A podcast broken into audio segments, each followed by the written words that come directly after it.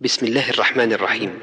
يشرف أسرة مؤسسة أحد الإسلامية أن تقدم. الحمد لله نحمده ونستعينه ونستغفره ونتوب إليه ونعوذ بالله من شرور أنفسنا ومن سيئات أعمالنا.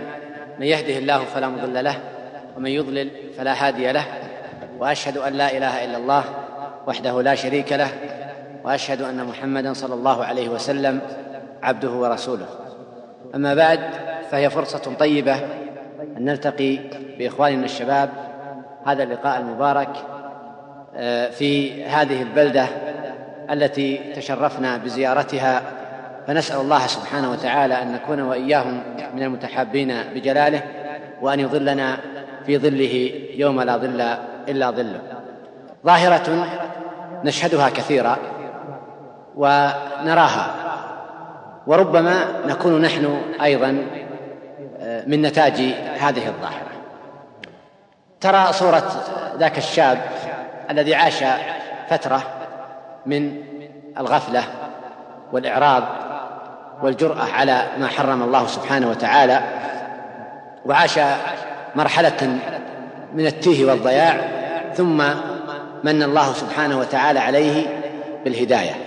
فهداه الله عز وجل وسلك طريق الخير والاستقامة. أو ذاك الشاب الذي قد لا يكون كصاحبنا. قد لا تكون له تجربة في الفساد والإغراق فيه والانحراف لكنه هو الآخر له تجربة قريبة من هذه التجربة. قد يكون عاش شخصا عاديا شخصا لا اهتمام له وغاية ما يشكل عندها أهمية فوز فريق رياضي أو تقدمه أو قضية صغيرة أو كبيرة. أما قضية الاستقامة وقضية الدين فلا تقدم عنده ولا تؤخر كثيرا. ثم من الله سبحانه وتعالى عليه هو الآخر بالهداية ونعتبرها في الواقع هداية ونقلة مهمة. فسلك مع الشباب الأخيار طريق الخير والاستقامة فسار مع هذا الركب ومن ثم كان لا بد لهؤلاء وأولئك لجميع الذين سلكوا هذا الطريق من حديث خاص حول هذه المرحلة التي انتقلوا إليها والتي سلكوها. ولئن كان الحديث فيما قد يبدو لنا خاصا بأولئك الذين هم حدثاء عهد بهذه المرحلة إلا أن يتصور أنه قد يعنينا جميعا. وسنجد جوانب من هذا الحديث تعنينا ونشترك فيها جميعا. آه، الجانب الأول آه، هذه الهداية آه، إنما هي عودة للأصل. فإن الله سبحانه وتعالى يقول فأقم وجهك للدين حنيفا فطرة الله التي فطر الناس عليها لا تبديل لخلق الله ذلك الدين القيم ولكن أكثر الناس لا يعلمون منيبين إليه واتقوه وأقيموا الصلاة. أي أن الله سبحانه وتعالى فطر الناس منيبين إليه ومسلمين له ومتوجهين له. فالبعض قد يتصور أنه ما دام هو قد تحول إلى هذا الطريق أو ما دام فلان من الناس أيا كان هذا الشخص قد تحول إلى هذا الطريق فإن هذا يعني أنه قد سلك طريقا آخر. ومسلكا آخر ودربا آخر. أه ولكن نحن نقول إن هذا الشخص إنما عاد إلى الأصل وعاد إلى المسار الطبيعي الذي كان ينبغي أن يسير فيه. الذي كان هو عليه أصلا. فإن الله سبحانه وتعالى قد أخبر أنه فطر الناس منيبين إليه ومتوجهين له ومسلمين له. ونلمس هذا المعنى أيضا واضحا. بل قد يكون بصورة أدل وأقوى في الدلالة من قول النبي صلى الله عليه وسلم فيما يرويه عن ربه يقول خلقت عبادي حنفاء فجاءتهم الشياطين فاجتالتهم عن ذكر الله عز وجل فحرمت عليهم ما أحللت لهم. إذن الجميع خلق أصلا على هذا الطريق وخلق يسير في هذا المسار ثم جاءته الشياطين فاجتالته فأخذ المسار الآخر فعندما يهتدي الذي يحصل باختصار أنه عاد إلى الأصل ولم يسلك طريقا آخر. عاد إلى الأصل الذي كان المفترض أن يسلكه الذي كان هو عليه وخلق عليه. وكما قال صلى الله عليه وسلم ما من مولود يولد إلا على الفطرة حتى يعجم عنه لسانه. فأبواه يهودانه أو ينصرانه أو يمجسانه. آه هذا جانب من الجوانب التي تعطينا دلالة على أن هذا الشاب الذي سلك هذا الطريق لم يسلك طريقا جديدا أصلا. ولم يسلك مسارا مبتدعا إنما عاد إلى الأصل وإلى الوضع الطبيعي والمسار الذي كان عليه. جانب آخر أيضا آه، أخرج خارج المدينة وتأمل فيما أمامك. تجد الجبال والأشجار ومظاهر هذا الكون وارفع نظرك إلى السماء فترى السماء وترى النجوم وترى ما فيها. وحينئذ سيبدو لذهنك مباشرة تتذكر قول الله عز وجل ألم ترى أن الله يسجد له من في السماوات ومن في الأرض والشمس والقمر والنجوم والجبال والشجر والدواب وكثير من الناس وكثير حق عليه العذاب. إذا فترى هذا الكون أمامك بكل ما فيه تراه يسجد لله سبحانه وتعالى. يسجد له عز وجل. من في السماوات ومن في الأرض والشمس والقمر والنجوم والجبال والشجر والدواب وكثير من الناس وكثير حق عليه العذاب. حتى كثير ممن حق عليه العذاب هو في حقيقة أمره في بعض جوانب حياته يخضع ويسجد ويسلم لله سبحانه وتعالى. ألم تر أن الله يسجد له من في السماوات والأرض طوعا وكرها وظلالهم بالغدو والآصال؟ لعلك تبحث عن الظل تجلس تحته أو لتوقف سيارتك في مكان تستظله. ثم تتذكر فعلا هذا الظل الذي يمتد ويعود مرة أخرى ويرجع فتراه في الصباح يبدأ ينقص يتناقص ثم في المساء يبدأ يزيد. ألم تر إلى ربك كيف مد الظل؟ ولو شاء لجعله ساكنا ثم جعلنا الشمس عليه دليلا هذا الظل يسجد لله سبحانه وتعالى. ولله يسجد من في السماوات والأرض طوعا وكرها وظلالهم بالغدو والآصال. وجانب آخر التسبيح. ألم ترى أن الله يسبح له من في السماوات ومن في الأرض؟ آه، يسبح له من في السماوات ومن في الأرض وإن من شيء إلا يسبح بحمده ولكن لا تفقهون تسبيحهم إنه كان حليما غفورا. فكل شيء في هذا الكون يسبح لله سبحانه وتعالى ويخضع له ويعلن بالخضوع له. إذن فهذا الإنسان الذي يسلك طريق الهداية يسير في اتجاه متوازن مع الجميع مع الكون هذا بكل ما فيه فالجميع كله خاضع لله سبحانه وتعالى. أما الشخص الآخر الذي يسلك طريق الغواية والمعصية فإنه يسير في طريق معاكس للجميع. وإن كان يتخيل له هو أنه باعتبار أن أن الغالب الناس آه، الضلال والإعراض وإن تطع أكثر من يضلوك عن سبيل الله يتصور هو أنه يسير مع التيار الواقع أنه هو المعاكس. للتيار. فهو بدءا بعباد الله الصادقين المنيبين معاكس للطريق الذي هم عليه وبعد ذلك انتهاء بكل هذا الكون العريض بكل ما فيه. حتى مثلا ذاك الظل الذي هو يستظل تحته لأجل المعصية أو المكان الذي يختبئ فيه ليعصي الله سبحانه وتعالى. هذا المكان يسبح لله. هذا المكان يسجد لله سبحانه وتعالى. هذا يخضع لله.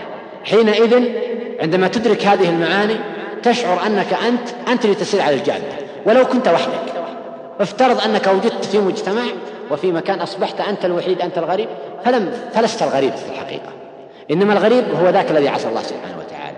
لك أيضا مع هذا امتداد تاريخي ليس لغيره لك امتداد تاريخي عريق بآدم ونوح وتلك القرون التي كانت بين آدم ونوح عشر قرون كانت على الإسلام وأنبياء الله سبحانه وتعالى وكل من أسلم لأنبياء الله وتابعهم وسار وراءهم. كل هؤلاء يعتبرون امتداد تاريخي لك أنت فأنت من خلال الواقع الذي تعيشه من خلال الفطرة التي فطر الله الناس عليها من خلال هذا الكون الفسيح أمامك من خلال هذا الامتداد التاريخي الذي ليس لأحد إلا لك أنت أنت وحدك الذي تسير على الجادة. لست أنت وحدك بشخصك إنما بمنهجك. فالآن عندما عدت إلى الهداية لم تسلك طريقا آخر إنما عدت كنت أنت قد انحرفت بك الجادة والمسار فعدت إلى الطريق الصحيح. وهي قضية قد تبدو لك لأول وهلة أنها يعني نتيجة قضية جدلية فلسفية بحتة لا. فرق بين إنسان يشعر أنه سلك طريق آخر وبين إنسان لا يشعر أنه عاد إلى ما كان ينبغي أن يسير عليه أصلا. عاد ليعيش في توائم مع هذا الكون كله. إذا فأنت عندما اتخذت هذا القرار صرت وفق المسار الذي اختاره الله سبحانه وتعالى لك. الذي وجدت أصلا لأجل أن تسير على هذا الطريق. وجدت لعبادة الله سبحانه وتعالى للخضوع له والتسليم له. ثانيا الفضل لله وحده. قد تتساءل بعد فترة فتقول وفقت لسلوك هذا الطريق.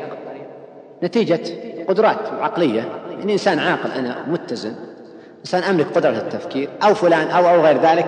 فتبدأ تحلل بعض الأسباب التي أدت بك إلى العودة إلى الطريق الصحيح. وتنسى السبب الأساس والأهم هو فضل الله سبحانه وتعالى وحده.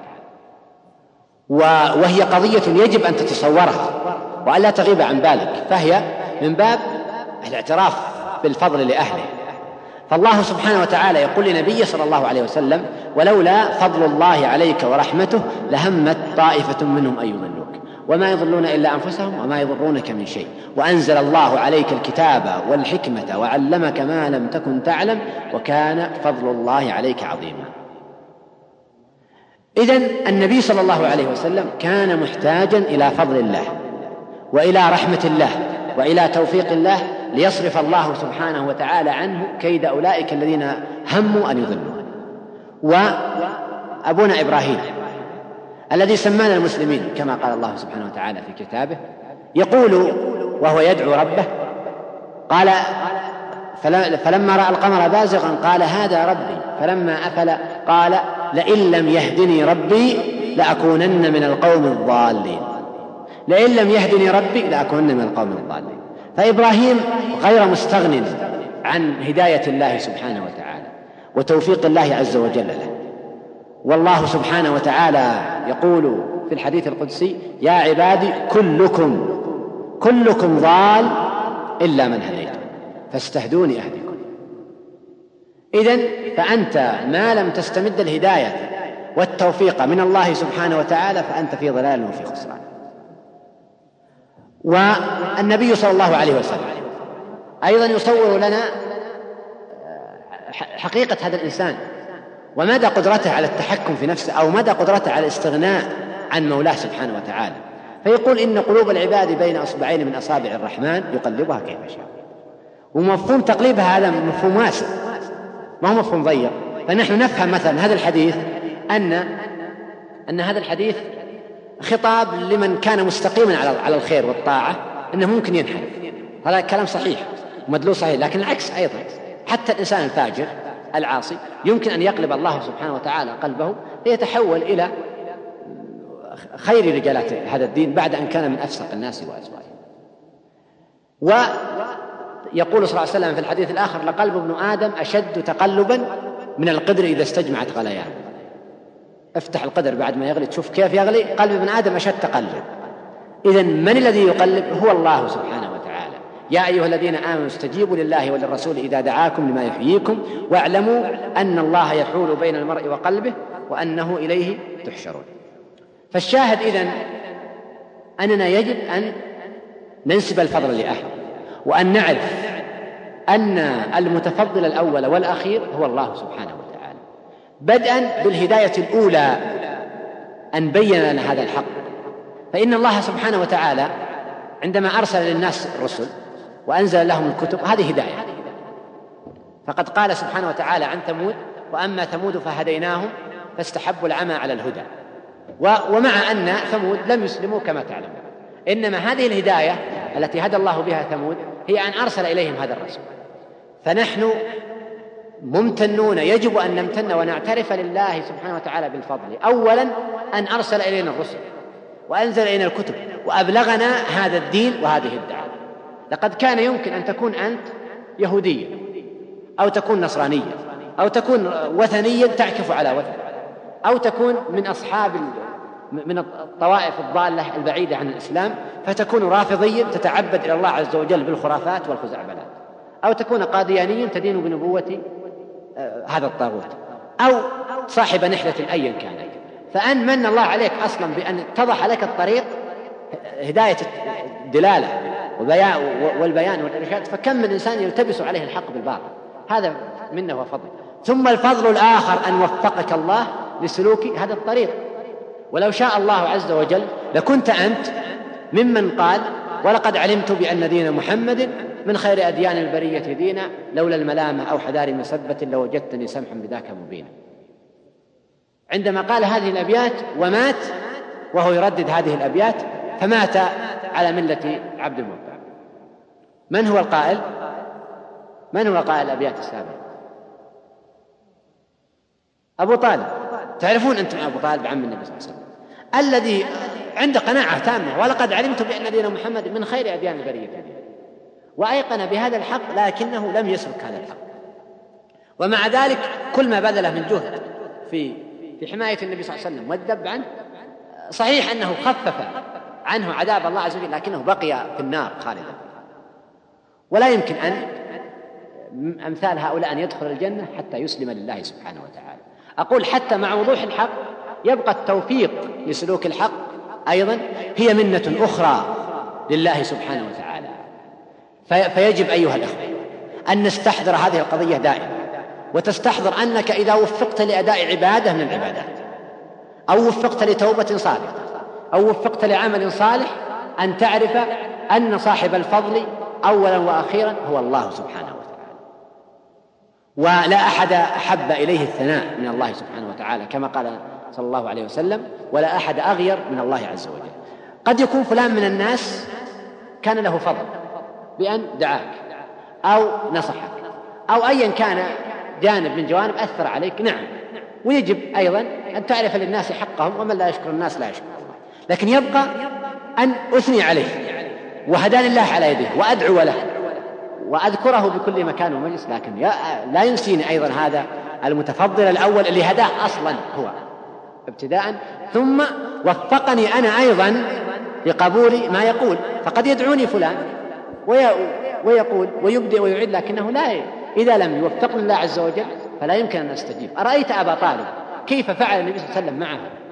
ما فعل ومع ذلك لم يوفق لسلوك هذا الطريق؟ إذا أقول باختصار أننا يجب أن لا نحدث أنفسنا يوم من الأيام أننا أصحاب فضل وعلو على الناس وأننا حصلنا هذه الهداية التي ضل عنها الناس. أن لا نزهو بهذا الأمر وننسى أن أنها نعمة من الله سبحانه وتعالى. وأن الذي أعطانا هذه النعمة قادر أن يسلبها. الجانب الثالث هذه المرحلة بداية حياة جديدة. صحيح أنك عدت إلى الطريق لكنك عدت بعد بعد أن تشعبت بك الطرق والوجدان ومن ثم ستبدأ حياة جديدة. في كل ما تعنيه هذه الكلمة. فتجد الشاب تغير. عندما هداه الله سبحانه وتعالى. وأول ما تبدو مظاهر التغير في مظهر. فأزال المخالفات اللي كانت موجودة عليه في المظهر. ولهذا لما ترى الإنسان ترى مظهر الإنسان تأخذ انطباع معين عن هذا الشخص. آه ثم في الأمور العامة في, في, في عبادته في مظاهر عامة. قضايا أصبح القريب والبعيد من حوله يعرف أن فلان هداه الله سبحانه وتعالى فلان تغير. صحيح لكن يجب أن لا نقف عند هذا الحد. وأن نتصور أنها نقلة بعيدة. وإذا حسيت أنك ما انتقلت إلى النقلة لابد أن أن تعيد أيضا حساباتك مرة أخرى. فقد تكون لا زال لا زالت بقيت عندك بقايا. فيجب أن تبدأ حياة جديدة أولا في في المظهر. هذه قضية واضحة. والدليل على هذا أنك مجرد أنك ترى الإنسان يمكن تأخذ تصور عنه تقول هذا فلان مستقيم أو هذا فلان ما ارتاح له من خلال المظهر. صحيح أن المظهر ليس كل شيء لكن أيضا يعطي دلالة. دلالة واضحة.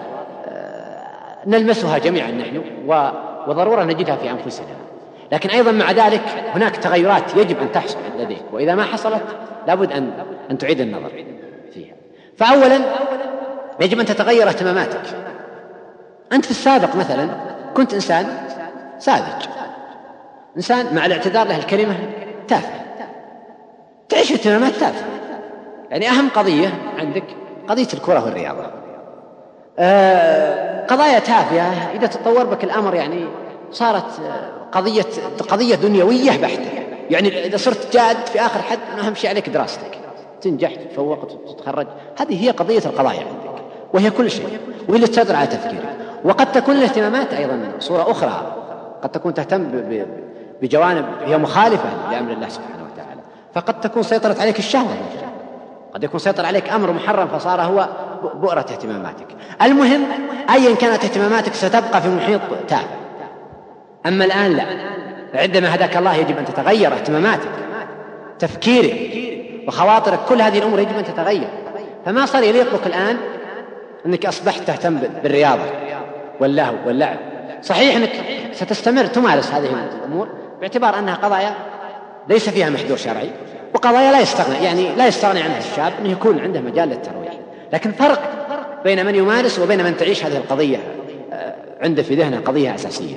فيمكن تجد مثلا هذا الاثنين من الشباب. هذا الشاب رقم ألف هذا يعني يمارس الرياضة مثلا بنسبة كبيرة والآخر يمارسها بنسبة أقل. لكن تجد تجد الشخص الآخر لا قد استولت عليه وصارت هي تفكيره كما يقال من كانت الدنيا في قلبه ومن كانت الدنيا في يده. فقد تجد إنسان صعلوك ومع ذلك الدنيا هي عنده كل شيء وهي الحسابات. وقد تجد إنسان قد وسع الله عليك ومع ذلك الدنيا لا تساوي عنده شيء.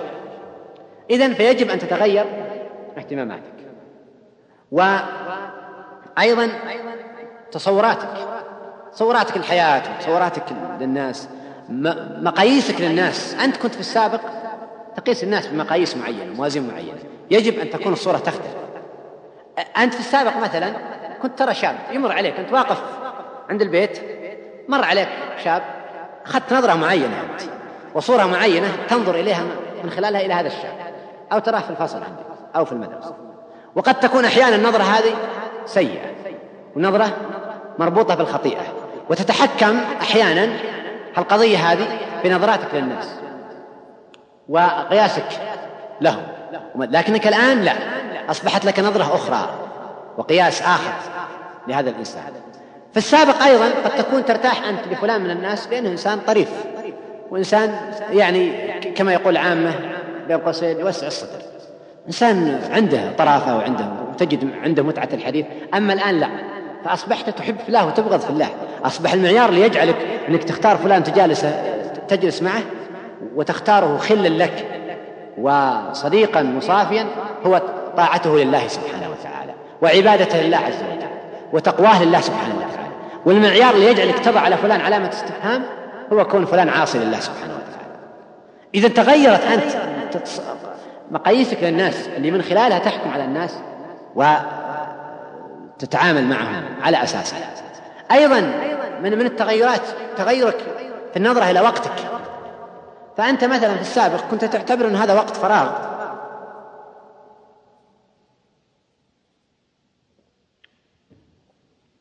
كنت تعتبر هذا وقت فراغ. تريد تتخلص منه بأي صورة؟ يعني عطل وقت الفراغ اللي عندك في أي في أي مجال. آه، أمس محاضرة. واحد من الشباب يعني أرسل لي سؤال. كانت المحاضرة عن الاهتمامات. فيقول لي كيف تطالب منا تطلبنا بهذا الأمر؟ ونحن الآن نعيش في عطلة. فراغ في فراغ. ونعاني من الفراغ فلا بد لنا من من الانشغال بالرياضة والانشغال بمثل هذه القضايا اللي انت ترى أنها اهتمامات غير لائقة فينا. أنا أقول أنك يجب أن تصبح لك نظرة أخرى الوقت تختلف. الرجل الجاد يبحث عن الفراغ ما يشتكي من الفراغ. في السابق أنت كنت فعلا تقول هذه اللغة اللي يقولها كيف تطالبني إني أنا أنا ما أتابع الرياضة أو إني ما أتابع القضايا اللي أنت تسميها قضايا تافهة ايا كانت القضايا وأنا أشتكي من الفراغ اعاني من الفراغ كله خاصة في الإجازة فلا بد لي من, مثل هذه الاساليب بينما الآن لا. أصبحت تفكر تفكيرا آخر. تقول أنا أبحث عن الفراغ لماذا؟ لاحفظ كلام الله عز وجل. أبحث عن الفراغ لاعبد الله سبحانه وتعالى. أبحث عن الفراغ لأستغل وقتي في بناء نفسي علميا. بناء نفسي تربويا. المهم أن هذا الفراغ أستغله في طاعة الله عز وجل. وأعتبر أن أثمن ما املكه في هذه الحياة هو هذا الوقت وهذا العمر. فكيف أشتكي من المشكلة هذا شيء عجيب. أنت هل رأيت يوم من الأيام إنسان يشتكي من كثرة المال عنده؟ أبد. ما يمكن يرضى. لا يرضى الإنسان حتى الإنسان اللي تأتيه الدنيا بحذافيرها تراه يضمن لو كان ابن آدم وادي من ذهب لا لا نتمنى أن يكون له والد ما رأينا يوم من الأيام إنسان يقول أنا والله أشتكي من من كثرة المال عندي وعندي مال ما أدري ماذا أصنع طيب الآن لو أسألك سؤال آخر بديهي أيما أثمن؟ وقتك أو المال؟ لا شك أن الجميع سيجيب الوقت أثمن. الوقت هو عمرك يا أخي هو حياتك هو أنت أصلا. أنت لست إلا هذا الوقت. لأنك أنت لك عمر محدد. إذا انتهى وقتك انتهى طيب كيف تشتكي أنت الآن من الفراغ؟ ومن توفر هذه هذه الفرصة الثمينة لك؟ في مقابل أنك لا يمكن أن تشتكي يوم من الأيام من المال أو من غيره من وأنت لما نسألك أيما أثمن لديك الوقت أو المال؟ قلت لي لا. بل ترى الناس يبذل من ماله حتى يحافظ على وقته. يبذل من ماله حتى يحافظ على وقته. مثلا يختار وسيلة من وسائل السفر. أحيانا يريد يسافر بالطائرة. ليش؟ عشان يوفر وقت يدفع مال لأمر معين لأجل أن يوفر لنفسه الوقت فقط لا أقل ولا أكثر. وهذا لا شك أنه تصور صحيح وسليم ويجب أن يكون عندنا هذا الشعور أن نعتني بأوقاتنا. الآن أنت عندما دخلت عدت إلى المسار الصحيح فصارت لك نظرة أخرى للوقت تختلف عن نظرة الآخرين. ونظرة لاستغلال الوقت تختلف عن نظرات الآخرين. المهم أنه باختصار عندما عدت إلى هذا الطريق فإنك بدأت مرحلة جديدة.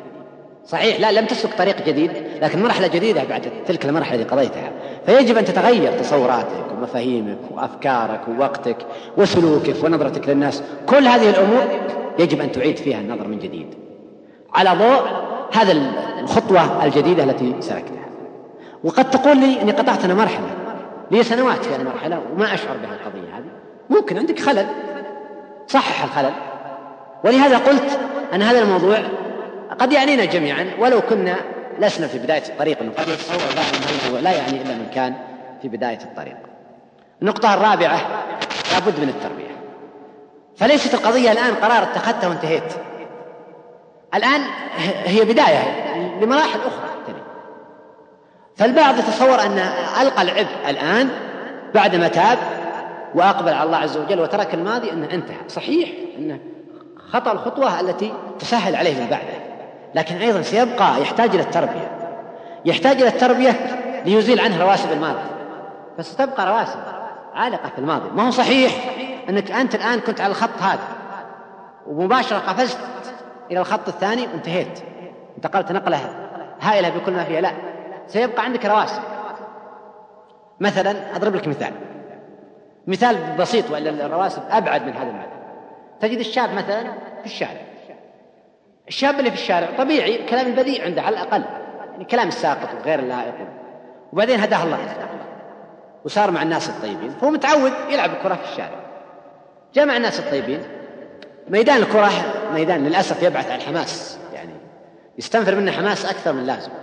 فمع الحماس يتفاعل الإنسان ما ما يملك نفسه. تجده تبدو منها أحيانا بعض العبارات يزل فيها. ولا زال حديث عهد. وهذا وضع طبيعي. أصحاب النبي صلى الله عليه وسلم لما يقول أبو واقد الليثي كنا مع النبي صلى الله عليه وسلم أو خرجنا النبي صلى الله عليه وسلم إلى حنين ونحن حدثاء عهد بكفر.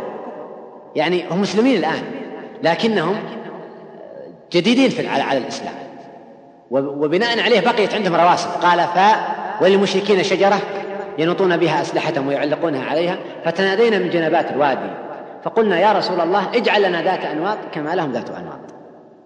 لا لا يزال عندهم هذا الرأس.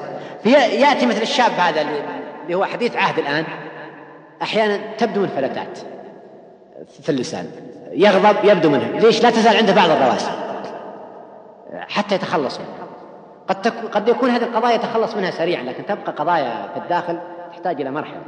يعني مثلا في السابق كان قد يكون مثلا يتابع أفلام فيديو أو يتابع برامج التلفاز أو صور مجلات أو المهم إنه يعني يتابع هذه القضايا اللي تشعل عنده تؤجج عنده نار الشهوة في قلبه فبقيت القضية هذه عنده. عندما تاب وأقبل إلى الله عز وجل وسلك هذا الطريق ستبقى بعض رواسب الماضي وصور الماضي تتحرك أمامه. ومن ثم يحتاج إلى التربية ليزيل كل هذه الرواسب التي جاء بها من خلال الطريق السابق أو المسار الذي كان قد انحرف إليه. وأيضا تحتاج إلى التربية لتكون معينة لك بعد توفيق الله عز وجل على الثبات على هذا الطريق. فإن القضية كما قلنا في البداية فضل وهداية من الله سبحانه وتعالى كما أنها توفيق من الله عز وجل يمكن أن يسلب عنك هذا التوفيق. فقد تضل عافانا الله وإياك ولهذا كان النبي صلى الله عليه وسلم إذا سافر يدعو بدعاء آه، يدل على هذا المعنى من من يذكر هذا الدعاء كان يقول اللهم إني أعوذ بك من وعثاء السفر وكآبة المنظر وسوء المنقلب ومن ها يا شباب ما تسافرون أنتم؟ من يعرف باقي الدعاء؟ اللي له شاهد في في الموضوع هذا عندنا اللهم اعوذ بك من وعثاء السفر وكآبة المنظر وسوء المنقلب ومن؟ ها؟ قلناها كآبة المنظر لا أنا أقول جملة لها شاهد عندنا هنا في الموضوع. ومن الحور بعد الكور. الحديث في في مسلم. ومن الحور بعد الكور. ومعنى الحور بعد الكور؟ الضلالة بعد الهدى التحول من الإيمان إلى الكفر أو من الطاعة إلى المعصية. فالنبي صلى الله عليه وسلم كان يستعيذ بالله من الحور بعد الكور ومن الضلالة بعد الهدى. إذا عنايتك بالتربية تكون بعد توفيق الله عز وجل وسيلة لأن تجعلك تستمر وتثبت وسيأتي لها القضية يعني مزيد توضيح في نقطة لاحقة. ثالثا أيضا أنت تحتاج إلى التربية لترتقي أنت. فيزيد إيمانك وترتقي في مراتب الخير والصلاح. فتحتاج إلى التربية لتزيد إيمانك بالله عز وجل. فالإيمان يزيد وينقص كما تعلمون تحتاج إلى التربية أيضا تعطيك رصيد علمي جديد فيزيد علمك وتحصيلك. تحتاج للتربية أيضا لتضبط سلوكك وأخلاقك مع الناس. تحتاج للتربية لتتخلص من أخلاق وجوانب قصور كانت في نفسك. المهم أنك تحتاج إلى التربية لترتقي بنفسك. ولا يزال المرء مهما كان حتى ولو تحول إلى أنه هو يؤدي دور المربي فهو لا يزال يحتاج إلى التربية. إذا باختصار لا بد من التربية. لا بد من التربية وسلوكك هذا الطريق يعني أنك ستبدأ أيضا قضية أخرى. هم آخر هو هم التربية. حتى تعلو وترتفع وستستمر تطالب تطالب تربي نفسك حتى تنتهي من هذه الحياة. الجانب آه، الخامس سؤال يطرح كثيرا. كيف أتعامل مع الماضي؟ يعني كان لك ماض سابق فكيف تتعامل مع هذا الماضي؟ هناك عدة نقاط حول الماضي. القضية الأولى أن بعض الشباب يكون تجارب سيئة. كان يفعل معاصي وخطايا فيتحدث بها مع زملائه ومع الناس. وهذا مخالف لقول النبي صلى الله عليه وسلم كل أمة معافى إلا المجاهرون. وإن من المجاهرة أن يعمل الرجل العمل بالليل فيستره الله سبحانه وتعالى فيصبح فيقول يا فلان عملت كذا وكذا. بات يستره الله عز وجل ويكشف ستر الله عليه. فالنبي صلى الله عليه وسلم هنا يخبر أن الأمة معافاة إلا المجاهر لأن الإنسان اللي ما يجاهر أدعى للتوبة. والناس لا يدرون ما عندهم فيتوب ويقبل على الله عز وجل. وما لكن الإنسان اللي اللي جاهر بالمعصية أولا الإنسان مستخف بالمعصية. فقد يعاقبه الله فيصرف عن التوبة ثم أيضا هذا الإنسان المجاهد صار تاريخه مكشوف أمام الناس. صار صعب عليه أنه يتخذ قرار التوبة والعودة إلى الله عز وجل. فأقول بعض الشباب يتحدث عن الماضي بما فيه. أنه كان يفعل كذا وكان يفعل كذا وفعل كذا. وهذه لها أخطاء أو لا. من أولها أن أنها مجاهرة بالمعصية والنبي صلى الله عليه وسلم أخبرنا المجاهرة أنه ليست المجاهرة هي إعلان المعصية. وإن كانت هي مجاهرة فعلا ومن أكبر وأشنع صور المجاهرة الإنسان أمام الناس يفعل المعصية. لكن قال وإن من المجاهرة أيضا صورة قد يتصور بعض الناس أنها ليست مجاهرة. أن يعمل الرجل العمل بالليل فيستره الله عز وجل فيكشف ستر الله عليه. فيقول يا فلان فعلت كذا وكذا. أنه وقع في معصية في الليل أو في النهار المهم أنه لا يعلم عنها الناس. وقد سترها الله عز وجل عليه فيبدأ يتحدث بها عن الناس عند الناس. أيضا المجاهرة بالمعصية أو أو الحديث عن الماضي غير قضية أنه مجاهرة يهون عليك أمر المعصية. لأن الإنسان اللي فعل معصية بقيت في داخله تبقى تعتلج في داخله وتشكل عليه ضغط. تدفعه للتوبة تدفعه للاكثار من التوبة الاكثار من الاستغفار الاكثار من الدعاء والرجوع إلى الله سبحانه وتعالى. تشكل عليه ضغط هو هو يحتاج إليه. لكنه لما يتحدث بها ويعلنها أمام الناس تصبح القضية سهلة. قضية سهلة. حينما يكتشف هذا الأمر تصبح قضية سهلة. مثلا أحيانا تجد الشاب يقع في عنده مخالفة أما معاصي أو أو خلل معين والده ما يعلم. فيعيش هو يعني في, رهبة من والده يخشى أنه يعلم عن عن القضية ويتخفى عن والده ودائما يقول كيف لو يعلم عني والدي وإلى غير ذلك. قد يحصل أنه يقف عليه والده وهو يمارس المعصية فيكتشف الخطأ والخلل.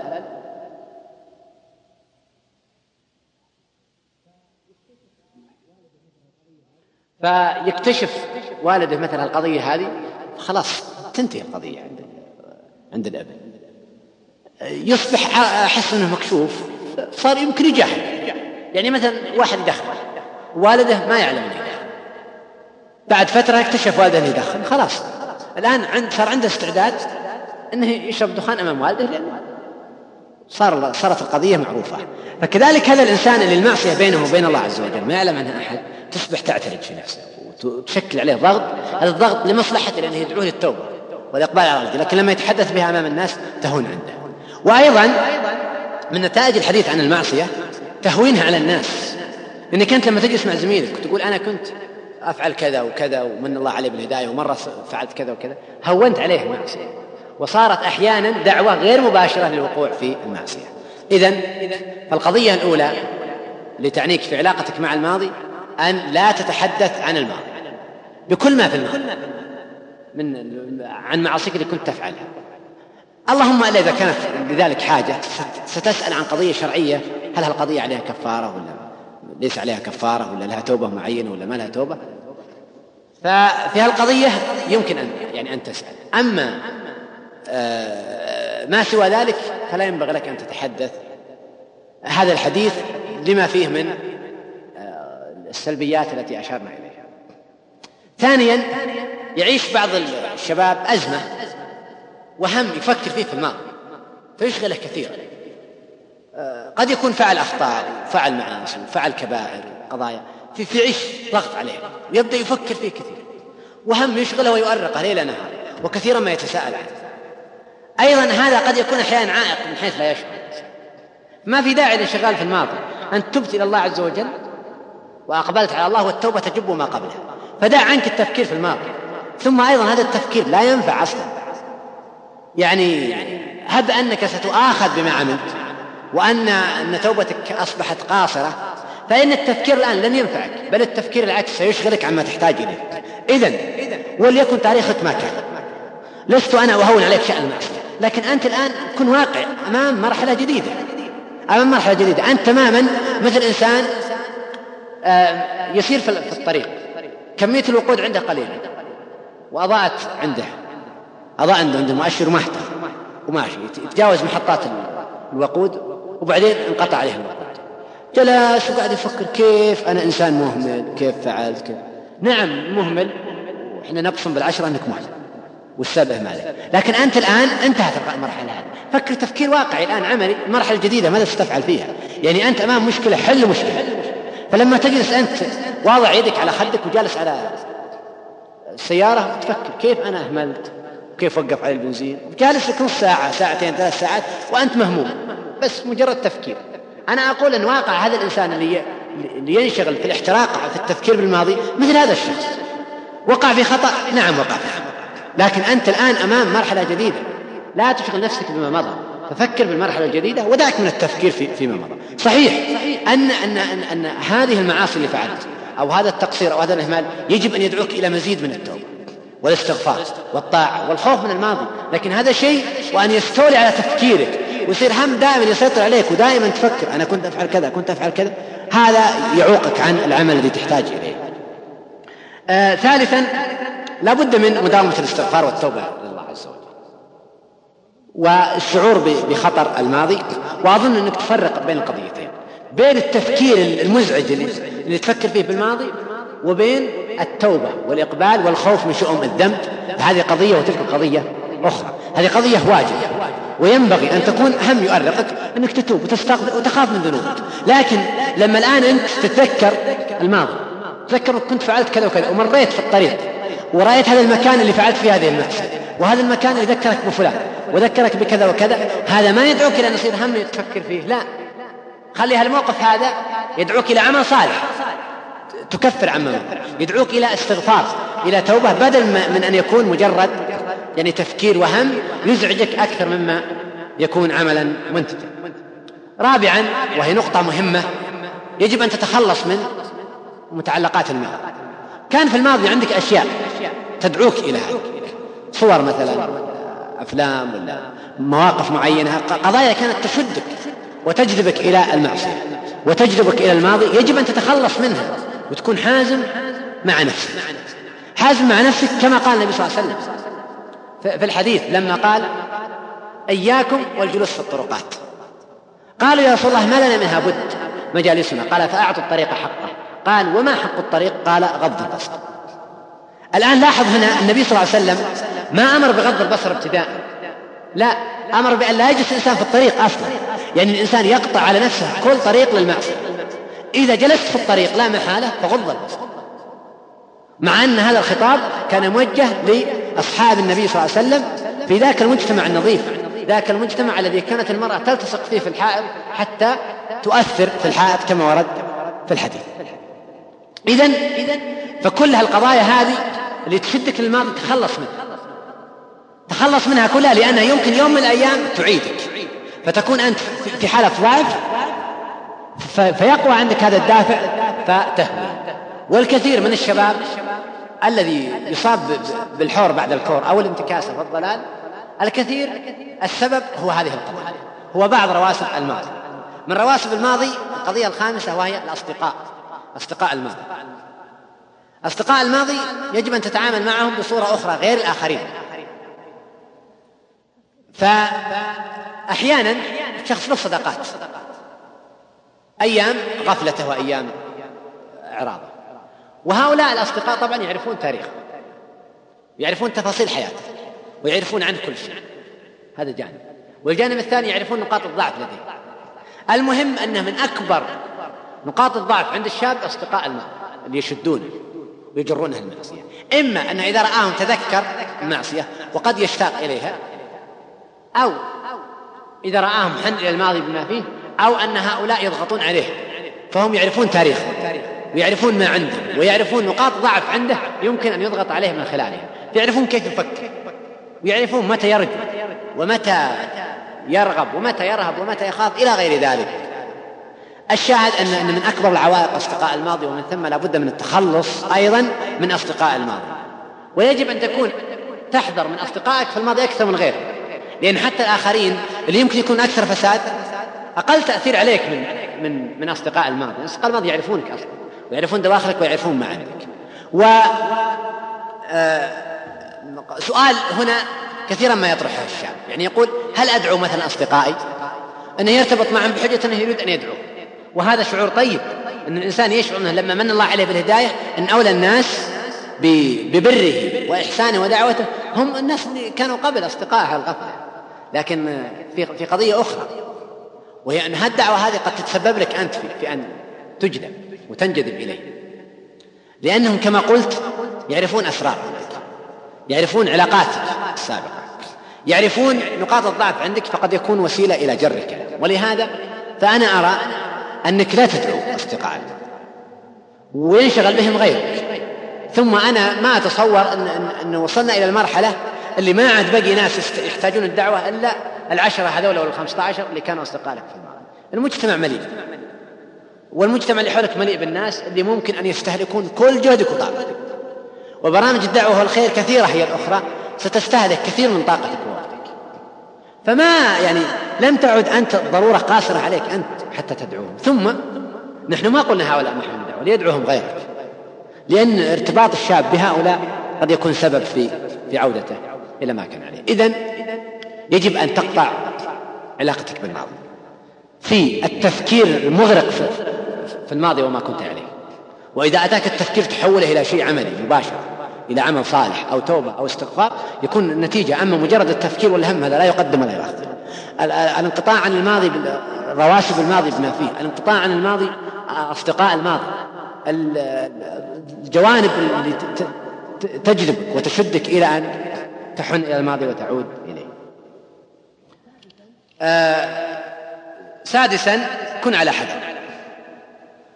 من الضلالة بعد الهدى والحور بعد الكون التي أشرنا إليها قبل قليل.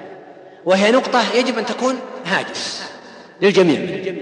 أن يكون هاجس فدائما يسأل الله سبحانه وتعالى الثبات. ودائما يخشى من هذه القضية. يخشى أن يحال بينه وبين هذا الطريق. يخشى أن يختم على قلبه. أليس النبي صلى الله عليه وسلم كان كثيرا يقول يا مقلب القلوب ثبت قلبي على دينك؟ كان يقول اللهم رحمتك أرجو. فلا تكلني نفسي طرفة عين. اللهم أرني الحق حقا وارزقني اتباعه. وأرني الباطل باطلا وارزقني اجتنابه. ولا تجعله ملتبسا عليه. ف وكان يدعو في سفره كما ذكرنا الدعاء السابق. كلما سافر السفر يذكره بقضية يعني الإنسان لما يسافر يتغير من حال السفر من حال الإقامة إلى حال السفر. بكل ما فيه ما فيه يعني حياة السفر متغيرة. فيذكره هذا هو كان مقيم على حال مستقر عليه فتغير في السفر. فيذكره بالقضية الأساس والأهم هو أنه كان مستقيما على هذا الطريق فيخشى فيخشى أن يحال بينه يا أخي إذا كان الرسول صلى الله عليه وسلم يدعو الله أن يثبت. إذا كان وسلم يخشى من الحور بعد الكور. إذا كان النبي صلى الله عليه وسلم يقول له, له ربه سبحانه وتعالى يقول له ولولا أن ثبتناك لقد كدت تركن إليهم شيئا قليلا.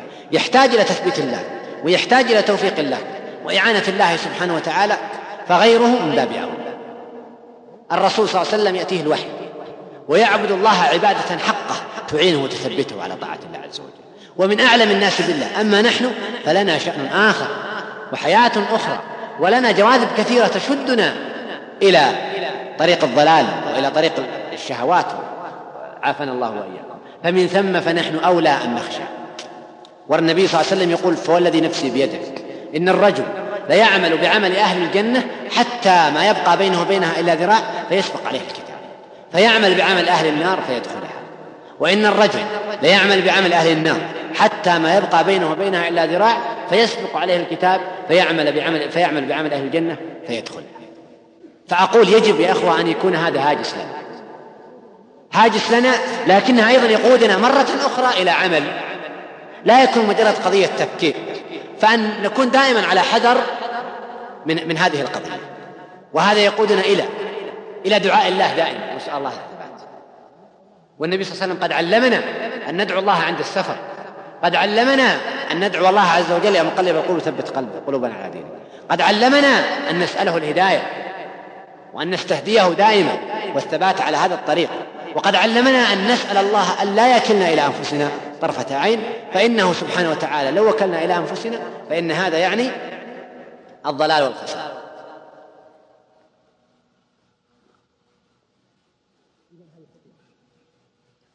إذا هذه خطوة. نتيجة الخوف الداخلي قادنا إلى خطوة في العمل والدعاء. والدعاء عمل ومن أفضل الأعمال. أليس النبي صلى الله عليه وسلم يقول الدعاء هو العبادة؟ جانب ثاني أيضا أن يستزيد الإنسان من الأعمال الصالحة لأنه يعرف أن الأعمال الصالحة تزيده تثبيتا. ولو أنهم فعلوا ما يوعظون به لكان خيرا لهم وأشد تثبيتا. وإذا لآتيناهم من لدنا أجرا عظيما ولهديناهم صراطا مستقيما. فلو استجابوا لأمر الله سبحانه وتعالى وفعلوا ما يوعظون به لكان خير وأشد تثبيتا لهم ولهدوا صراطا مستقيما.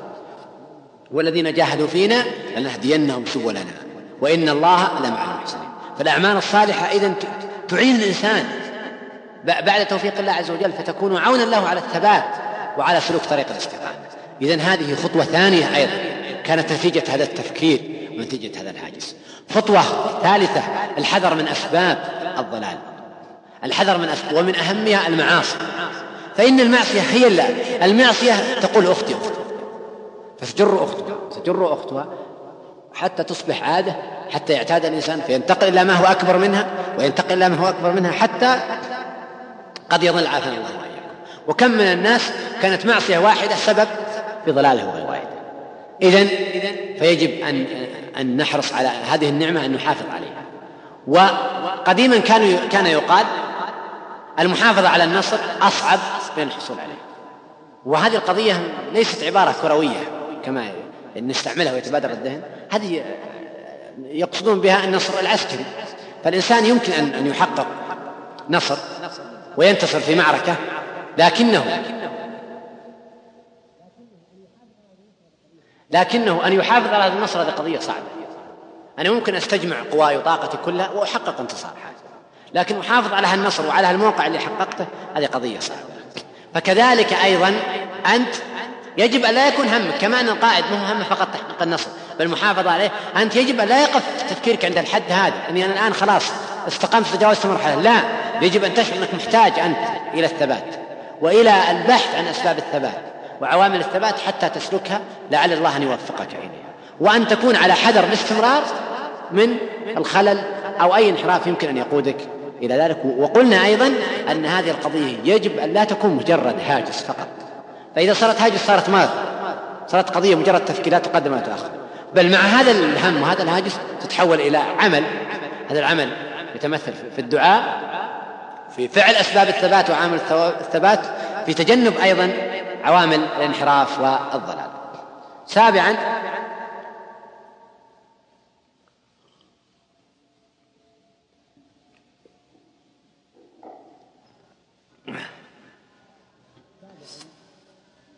سابعا آه، سؤال كثيرا ما يطرحه بعض الشباب أو شكوى يشتكي منها. يقول أشعر أني بعد الاستقامة وبدايه مرحلة الالتزام والاستقامة أشعر بحماس وحب الخير وإقبال على الطاعة ثم بعد فترة أشعر بأني فقدت هذا الشيء الذي كنت أجده سابقا. ويعتبر أن هذه مرض قضية خطر ونعم تفكير الإنسان في نفسه قضية مهمة وشعوره بالمرض والخطأ قضية مهمة لكن أيضا يجب أن على الأقل نعطي نظرة حول هذه المشكلة يشتكي منها الشاب. وقد قال النبي صلى الله عليه وسلم وهو من أعلم الناس بأدواء النفوس والقلوب لما جاء عبد الله بن عمرو بن العاص وقال وكان يصوم الليل يصوم النهار ويقوم الليل ويختم القرآن في كل يوم. فقال له النبي صلى الله عليه وسلم إن لكل عمل شرة ولكل شرة فترة فمن كانت شرته إلى سنتي فقد أفلح ومن كانت فترته إلى غير ذلك فقد هلك. يعني كل إنسان يكون عنده الحديث رواه أحمد وصححه أحمد شاكر. هذا الإنسان عنده اندفاع. يعني كل عمل له شر فيه حماس ودفعة يندفع له الإنسان. ثم لكل شرة فترة كل حماس لابد أن يخرج. فهنا الآن من كانت شرته إلى سنته فقد أفلح. الحماس هذا والاندفاع يجب أن لا يخرجه إلى حد الابتداع فإلى السنة. ومن كانت فترته إلى غير ذلك أيضا هو الآخر فقد هلك. من كانت فترته إلى أن تجرأ فوقع في المعصية وقصر في الطاعة هذا هذا نذير هلاك. إذا لا بد من الشرة والفترة. لا بد من أن يكون الإنسان عنده في البداية إقبال وحماس وشعور بالحرص على الطاعة والخير ثم بعد فترة يشعر بالفتور. فنقول هذا الفتور إذا كان تحول إلى أنه يجعل الإنسان يتجرع على المعاصي ويقع فيها وتحول إلى أن الإنسان يقصر عن الطاعة والفرائض. هذا فعلا هذا معيار الهلاك. وهذا ما قال فيه النبي صلى الله عليه وسلم فمن كانت فترته إلى غير ذلك فقد هلك. أما إذا كانت هذه الفترة ضعف في يعني في المشاعر الداخلية وضعف حماس لبعض السنن وبعض أعمال الخير المندوبة فالقضية لا مناص منها فإنه كما قال صلى الله عليه وسلم لكل عمل شرة. ولكل شرة فترة. فلا بد من الفترة. فأقول إذا كانت الفترة يعني مجرد ضعف عن بعض بعض النوافل أو بعض المندوبات أو غيرها فهي قضية عادية. يحرص الإنسان على أن يعالج بنفسه ويستزيد لكن لا يجب أن تؤدي بنا إلى القلق أن يتصور معها أنها مرض. متى يكون تكون مرض؟ إذا تحولت إلى غير ذلك. إذا تحولت إلى التجرع على المعصية وإلى التفريط في الفرائض. فحينئذ يجب أن نحاسب أنفسنا حساب عسير ونشعر أن دخلنا تجاوزنا الخط الأحمر ودخلنا مرحلة الخطر. أخيرا أدي شكر هذه النعمة. هذه نعمة من الله بها عليك فأدي شكرها. من خلال أولا ما ذكرناه الاعتراف بالفضل للمنعم. فإن من أكبر آه، لأي معروف وأي نعمة أن لا تعترف بالفضل له. أنت مثلا قد تقدم خير الإنسان ولله المثل الأعلى. وتفانى في تقديم هذا الخير فقدمت له الخير هذا وبعدين يقول أنت ما سويت شيء أصلا. وما قدمت لي شيء. تشعر أن هذا أكبر نكران يمكن أن يكون. قد لا تطلب منه أحيانا جزاء ولا شكور. لكن لما تشعر أنه قد أنكر جميلك فأنت تشعر أن هذا عدم وفاء. كذلك ولله المثل الأعلى الله سبحانه وتعالى لا أحد أحب إليه الثناء من الله عز وجل. فيجب أن تعترف أولا اعتراف داخلي بقلبك وبلسانك أن تعترف أن صاحب الفضل والنعمة والمنة هو الله سبحانه وتعالى.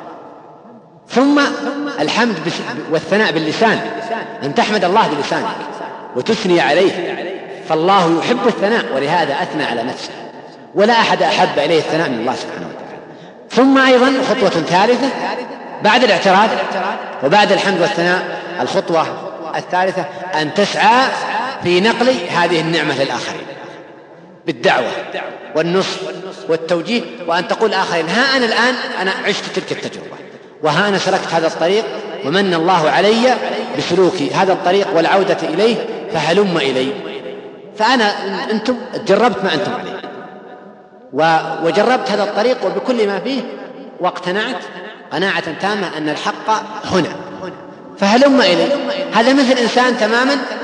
يعني أنت سائر تريد مدينة من مدينة. يعني واحد هنا ما يعرف المنطقة. يريد يذهب مثلا من هنا إلى الرس.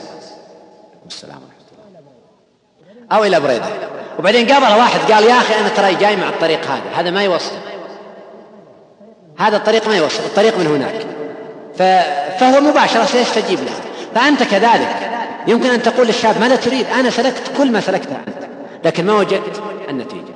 الشاهد أن من شكر الله عز وجل لنعمة الهداية أن يسعى الإنسان لنقلها للآخرين.